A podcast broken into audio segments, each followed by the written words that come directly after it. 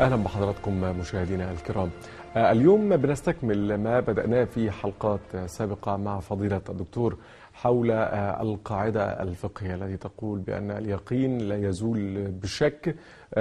فضيلة الدكتور علي جمعة تكرم في الحلقة السابقة بتأصيل هذا المفهوم ومن أين جاءت هذه القاعدة. اليوم بنستكمل مع حضراتكم في هذا العلم وهذه المعرفة نرى تجليات أو تطبيقات لهذه القاعدة على المعرفة أو الأمور التي تحيط بنا في مكوناتنا المعرفية أو الثقافة الإسلامية أو ثقافتنا العامة حتى في هذه الفترة. أرحب بفضيلة الإمام العالم الجليل الأستاذ الدكتور علي جمعة أهلا بكم مولانا. أهلا وسهلا أهلا وسهلا. مولانا إحنا أصبحنا بندور في هذه خصوصا في السنوات الأخيرة في دائرة من الشك. للأسف أصبحت الناس بتشك في كل شيء. نتيجة لما قامت به بعض الفرق أو الجماعات الحقيقة من التلبيس على الناس وإدخال معلومات مغلوطة في أذهانها أو في أذهان الناس. الأمر الذي أدى الناس أصبحت بتشك في كل شيء. حتى أن اليقين أصبح قليل جدا عند ناس كتير يا مولانا. فممكن في هذا الإطار نشوف تجليات هذه القاعدة. اليقين لا يزول بالشك على معرفتنا هذه الأيام ومعرفة الناس هذه الأيام. بسم الله الرحمن الرحيم. الحمد لله والصلاة والسلام على سيدنا رسول الله وآله وصحبه ومن والاه. ابتداء يجب علينا أن ندرك ما معنى اليقين وما معنى الشك. حتى نفهم هذه القاعدة واليقين معناه التأكد مئة في المئة. ببساطة كده يعني أنا متأكد مئة في المئة مش تسعين. لو متأكد تسعين يبقى اسمه ظن ما يبقاش يقين. الظن الغالب أو الراجح.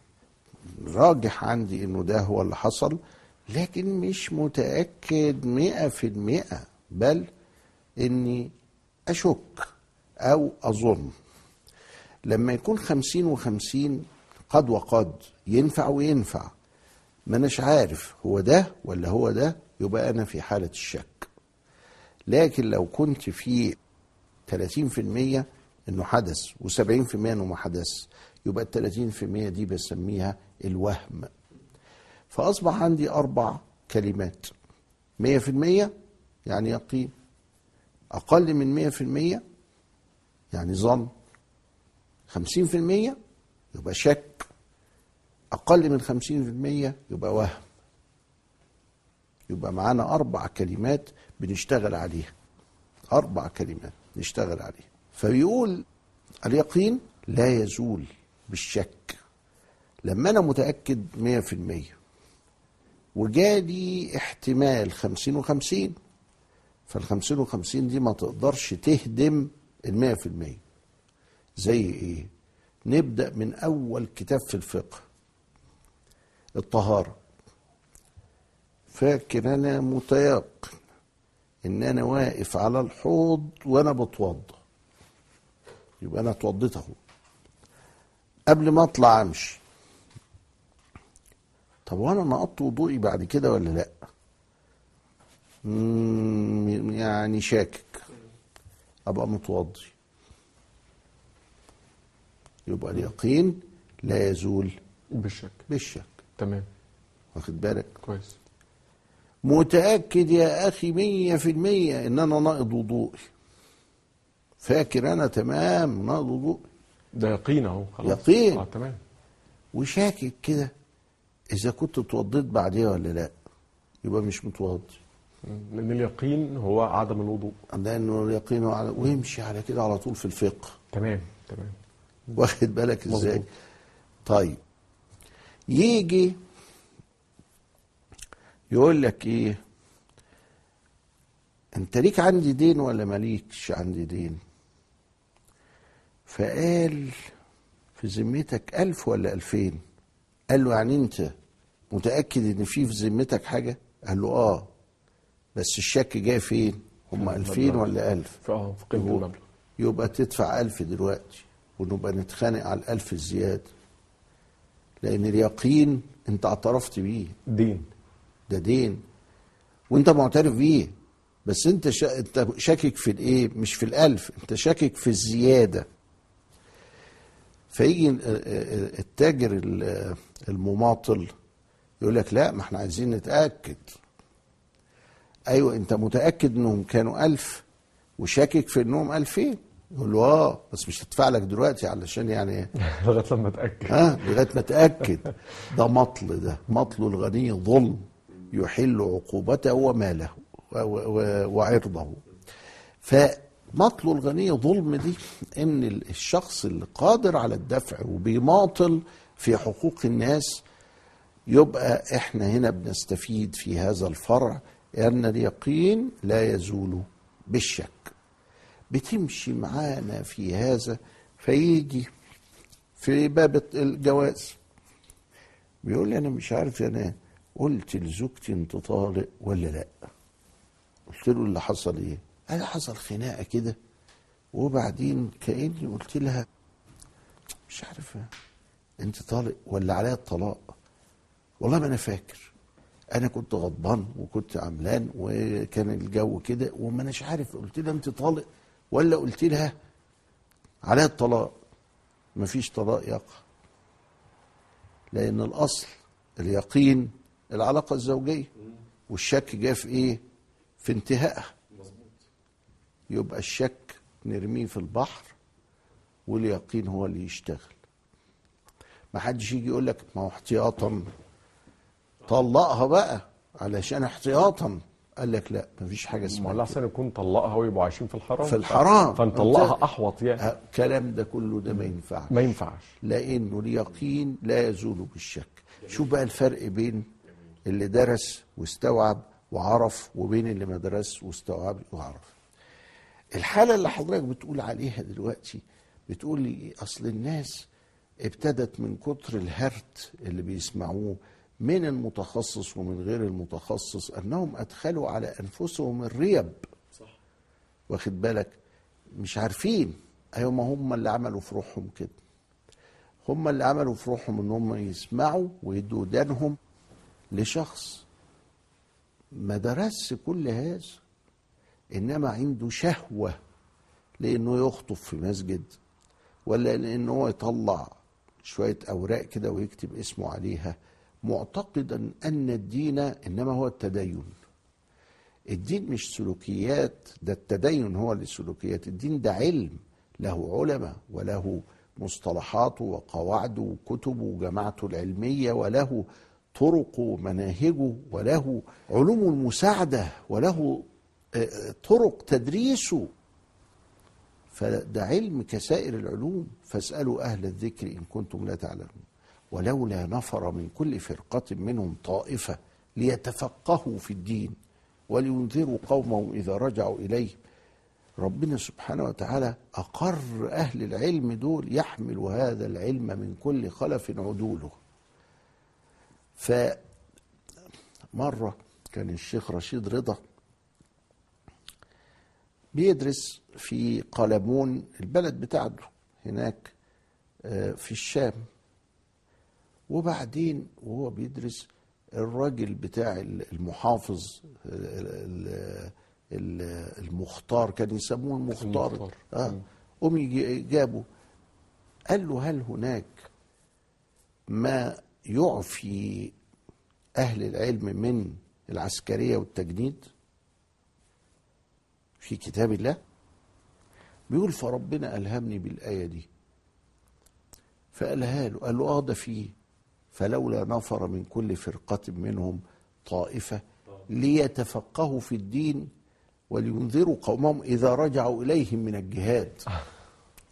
واخد بالك إزاي؟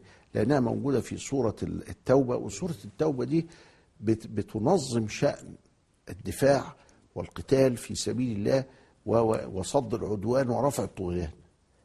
فبيقول لا ده في ناس تقعد للإدارة للعلم للقضاء للكلام ده هو والمجاهدين يروحوا ويجوا أهلا وسهلا ويرجعوا فيعرفوا الأحكام من دول.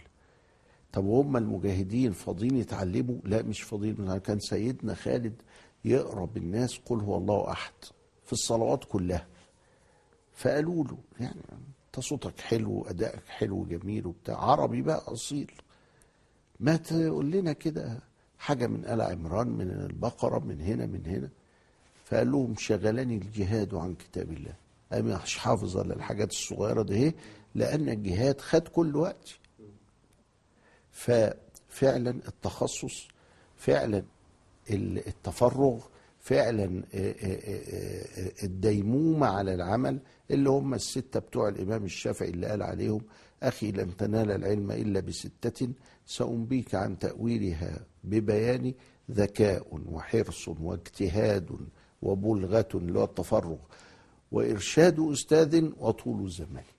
طيب مولانا في آه، مواقف أخرى مثلا بيكون هناك يقين عند الإنسان ثم تطرأ معلومات على هذا اليقين تدخلوه في مرحلة الشك. آه، هل هذا أمر آه، تراه عيبا أو نقيصة؟ وهل من الممكن أن يعود مرة أخرى إلى مرحلة اليقين؟ يمكن إحنا جاوبنا على هذا السؤال في حلقة ماضية إن كنت أنا متذكر. اللي بيحصل إن في اليقين ده له شروطه والناس ساعات بتغفل عن الحكاية دي. وقلنا ساعتها أو ممكن إن إحنا نستغلها ونستفيدها في الإجابة على السؤال ده هو إن آه، آه، زوايا المثلث 180 درجة أو قيمة قائمتين. وإن إحنا لما رسمنا المثلثات العظمى الدائرية على كرة الأرض واضح جدا في الكرة الأرضية اللي موجودة على المكتب بتاعي. أدي ده هنا خطين بالطول وبالعرض آه، آه، متعامدين. وهنا متعامد وهنا متعامد يعني 90 و90 و90 بقوا 270 ده حاجة حسية اهي. فأنا لما تجيني المعلومة دي أتلخبط. هو 180 ادي اليقين الأول. كل مثلث لازم يبقى 180 درجة. طب إيه رأيك يا حلو بقى لما هو بقى 270 وما اتلخبط واليقين الأول يهتز. بيهتز في إيه؟ مش إن المثلث الأول 180 درجة لا. إنما العبارة دي كل مثلث لازم يكون 180 درجة. اتهزت. وعايز أعرف السبب بقى. أنا فقدت شرط وهو المستقيم لأن ده منحنى مش مستقيم. ولذلك ففي علم المثلثات الكري غير علم الاستقامة بتاع ارشميدس اسم بتاع إقليدس اللي هي ال- الهندسة التقليدية بتاعت إقليدس. لأن دي على مستوى وده على كرة. وده اللي بيحصل عندما إحنا عندنا حاجة اسمها المراية المحدبة والمراية المقعرة. عكس بعض المقعب والمحدب لو رسمنا بالم- بال- بالمقعرات يطلع أصغر. لو رسمنا بال- بالمحدبات كده اهو يطلع لو بالمحدبات أصغر وبالمقعرات يطلع أكبر من 180 آه يبقى أنت فقدت الشرط.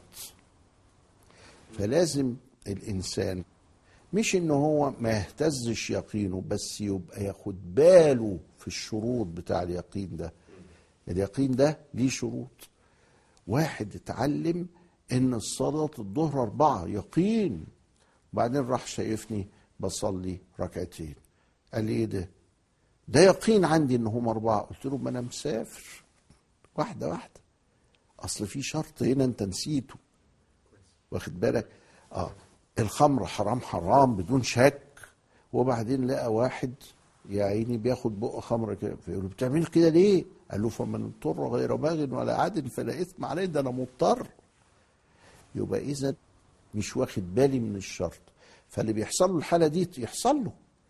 بس نعالجه بإيه؟ نعالجه بإدراكه للشرط. نعم بارك الله فيكم مولانا. طيب آه، سهل نخرج نخرج نخرج لفاصل وبعد الفاصل نعرف هل هذا اليقين فيه ما هو مطلق وفيه ما هو نسبي والفارق ما بين المطلق والنسبي إن شاء الله بعد الفاصل. خليكم معنا. أهلا بحضراتكم مرة أخرى. آه، مولانا المطلق والنسبي في التعامل مع اليقين. المفروض إن اليقين ممكن الواحد يعتقد إن هو مطلق. يعني خلاص ما فيش حاجة بعده. لكن هل ممكن اليقين يكون نسبي؟ آه طبعا. اليقين هو أصلا تحت الجزم. يقين يعني إيه؟ قلنا مية في المية. فاكر لما جينا نقسم الإدراك وقلنا إن منه جازم؟ مية في المية يعني وغير جازم. طب إيه رأيك الجازم ده؟ منه إدراك جازم مية في المية أهو ومطابق للواقع. وفي إدراك جازم مية في المية لكنه مخالف للواقع. نأخذ مثال؟ يعني ضربنا ساعتها مثال برؤية البدوي للشمس. كل يوم الصبح بتطلع من الشرق هنا اهو وتمشي قدامه. قدام عينيه بتتحرك في هي السماء. اللي بتتحرك. إلى ال- ال- الغروب. تقدر انت تهز يقينه ده إن هي اللي بتجري ابدا فلما تيجي مثلا ممثلة بتغني أو كذا إلى آخره بيقول لك والشمس بتجري حافية. هي- وخدنا في الجغرافيا الشمس بتجري حافية. ماشي. ما هو دي مش معلومات لكن هم الناس ده في بعض الناس بيقول لك لقد شاهدتها بعيني وهي بتلف. رؤوسهم هي التي تلف الأرض ما بتلفش. ده الشمس هي اللي بتجري. ده عنده يقين مية في المية مش راضي يتزحزح على إن الشمس بتتحرك. لو ركب ده القطر وقعد جنب الشباك وشاف أعمدة النور وهي بتجري والشجر وهو بيجري هيصدق بالله؟ إنه الشجر ده ثابت وإنه هو اللي بيجري. هيصدق بالله إن الأرض هي اللي بتلف تمام. وإن الشمس ما هيش بتلف ولا حاجة. فيجي من زيادة تمسكه باليقين يقول لك طيب أنا بتعامل مع ناس مجانين وبيقولوا على اللي ماشي ده في الش... في, في السماء ما هوش ماشي واللي بيجري في السماء كده ما هوش جاري. أنا هستحملكم لغاية آخر نفس عندي. قلنا له طب هتعمل إيه؟ قال قال تعالى دخلنا بقى في إيه؟ في كتاب الله المسطور والشمس تجري. ويعمل لك كده بقى ها؟ هنودي فين تجري دي بقى؟ تجري هنوديها فين؟ والشمس تجري. ويعملها لك كده وإيه؟ وهو فرحان قوي أنه وجد ما يؤكد يقينه الأول تمام. الذي هو يعتقد أنه مطابق للواقع. هو يعتقد كده اعتقاد فاسد. قلنا له طب هدي بالك ده الشمس فعلا بتجري. بس مش بتجري لينا إحنا ولا حوالينا إحنا. إنما بتجري في الفضاء نحو نجم فيجا بسرعة 12 كيلو في الثانية. واخد بالك؟ قال شوف شوف شوف شوف شوف. يسيبوا كتاب الله ويمسكوا في نجم فيجا ومسكين هو مسكين. ولكن انت بتسأل هل اليقين ممكن إنه يكون مخالف للواقع؟ طبعا. ده إحنا عايشين فيه. مع إنه يقين يعني يقين, يقين بأنه يعني واقع. 100% ما هو- بالظبط آه يقين يعني مش 100% مش معناه الحق. يقين معناه أنه 100% إدراكي ليه ان هو إدراكي 100% ليه يعني. آه. 100% ما كانش حد غير ده العيال الدواعش. الواد بيحط الحزام الناسف ويقول بسم الله. ويفجر نفسه. قال علشان يدخل الجنة. آه ده عنده يقين. إنه ده, ده. ولكن هو في النار. واخد بالك إزاي؟ وهكذا. يبقى اذا أنا القضاء إن اليقين لا اليقين ممكن جدا يكون مطابقا للواقع فيكون اعتقادا صحيحا أو يكون مخالفا للواقع فيكون اعتقادا فاسدا. وضربنا مثل لو كنت فاكر بأهل الأوثان. ما هو معتقد 100% إنه على صح. واخد بالك؟ يبقى اذا لا. هو ده اللي خلى نيتشه ينكر الإطلاق. نيتشه أنكر الإطلاق على مستويات. قبليه هو ما شافوش لكن كان قبليه هيجل. فهيجل جه وقال لي أنا مؤمن بالله. قلنا له والله يا هيجل كتر خيرك. أنت راجل حلو كويس قال بس ربنا ده هو اللي أنا مؤمن بيه ما هوش مفارق. قلنا له لا نفهم. يعني إيه؟ مش مفارق. قال يعني ما هوش خارج الأكوان. وربنا موجود بس هو جوه الكون. معانا في الكون. معانا كده جوه كده اهو. قلنا له يعني معانا بقدرته وعلمه كقوله تعالى هو معكم أينما كنتم قال لا بذاته. قلنا له أعوذ بالله. يعني ربنا متخلل فينا يعني حال فينا يعني يعني أنا دلوقتي ربنا وأنت ربنا والترابيزة دي فيها ربنا. فلسفة هيجل في النهاية هتقول إلى هذا. جه نيتشه وراح درس فلسفة هيجل دي كويس قوي بس قراها يعني. وهو ألماني زيه. فراح قال تايهة ولقيناها يا أولاد. تايهة ولقيناها. ولقيناها يا أولاد. قلنا له يا أستاذ نيتشه تايهة. ده قبل ما يتجنن. هو اتجنن 1888 آخر كتاب ألفه. وبعد كده اتجنن ومات 1900 مسكين وهو في الشوارع بيضرب الخيل ولا كذا قلنا له أخ نيتشه واخد بالك؟ أنت دلوقتي بتقول تايه ولقيناها إيه اللي لقيته؟ قال مش هيجل أستاذنا كبير.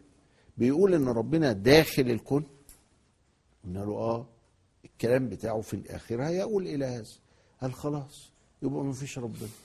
مش هو بيقول إن ربنا في داخل الكون ها؟ يبقى ما فيش إله المفارق. مش موجود يعني مش الرب رب والعبد عبد وهناك فارق بين المخلوق والخالق. لا ده ربنا بقى في الكون. يا حلاوة. ربنا توزع اتفرق يعني ده خلاص يبقى مش موجود فوق بقى. يبقى ما فيش ربنا. آه ما فيش ربنا. قلنا له طيب يبقى اذا إن هي إلا حياتنا الدنيا ن ن ن يعني نموت ونحيا وما يهلكنا إلا الدهر كده. قال أيوه مظبوط أنت؟ خرجت إلى الغابة فلقيت آه، وجدت الإله مات. يلا خلصنا. ده جاي منين؟ اللي لقاها دي اللي تايهة ولقاها. الأستاذ نيتشه ده هو جاية من أنه أنكر المطلق. إيه المطلق؟ الله. الله هو المطلق. ولذلك أول نيتشه ما أنكر الإله وخلاه إنه مات وألف هكذا تكلم زرادشت إلى آخر الكلام اللي هو الهرت ده راح قال إيه؟ قال دام أنكرنا الإله. يبقى لازم نهد القيم.